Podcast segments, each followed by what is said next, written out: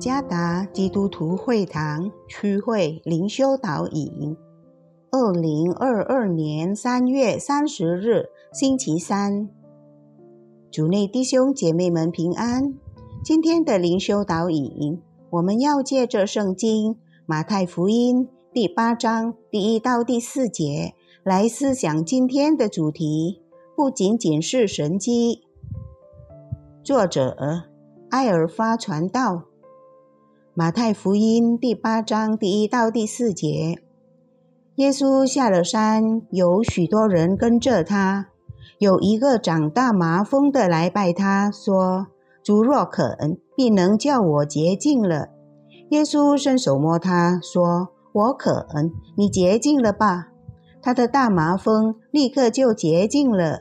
耶稣对他说：“你切不可告诉人。”只要去把身体给祭司查看，献上摩西所吩咐的礼物，对众人做证据。当我还是一名大学生时，有两个月的时间在中爪哇保守的福音派教会实习。独特的是，这教会举办了复兴培灵会。以进行属灵复兴和医治的服饰，邀请了一位在他的每项服饰中进行医治仪式而闻名的神仆。更有趣的是，参加当天的复兴培灵会人数众多，以至于教会的座位不够。当聚会进行时，我亲眼看到一个瘫痪的人能走路，还有其他医治的神迹。可惜的是，对我来说，这个复兴培灵会仅仅是一个耸人听闻和成为公共辩论而已。一周后，我看到那瘫痪的会友，并没有真正得到医治。他仍然必须坐在轮椅上。神迹对基督教信仰有那么重要吗？教会应该这样做吗？要回答这个问题，我们必然需要知道耶稣为什么行神迹。当耶稣治好了麻风病人后，便叫他去见祭司，说。你切不可告诉人，只要去把身体给祭司查看，献上摩西所吩咐的礼物，对众人做证据。第四节，为什么只告诉祭司而禁止告诉别人呢？那时的祭司成了一群恨耶稣的人，在这里。主耶稣用神迹来证实他宣讲的话语。神迹的目的是介绍耶稣基督。在使徒行传中，大部分神迹都伴随着人们的属灵复兴和悔改。此外，神迹也必须是信徒属灵成长的一种方式。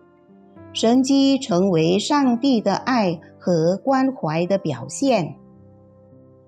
那么，教会需要进行神迹医治活动吗？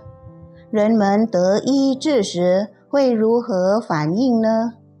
具有讽刺性的是，现今的人们更多的寻求神迹，过于与上帝建立关系。很多时候。神机反而成为属灵成长的障碍。神机非但没有使人成熟，反而会变成被宠坏的孩子。神机成为一种比固体食物更令人向往的甜食，甚至当神机没有真正发生时，会有一种失望的感觉。欺骗的神机成为他人认识耶稣的绊脚石。看看旧约中的以色列人，他们的生活充满了神机，但他们常常不顺服。他们被称为一个应这景象的百姓。同样的新约中有多少人只为经历神迹而跟随耶稣，却不想成为他的门徒？约翰记载，有许多人看见他所行的神迹，就信了他的名。耶稣却不将自己交托他们，因为他知道万人。参看《约翰福音》第二章二十三到二十四节，是不是很讽刺呢？神迹是证实神话语的真理，并将人引向耶稣的方式。主耶稣赐福。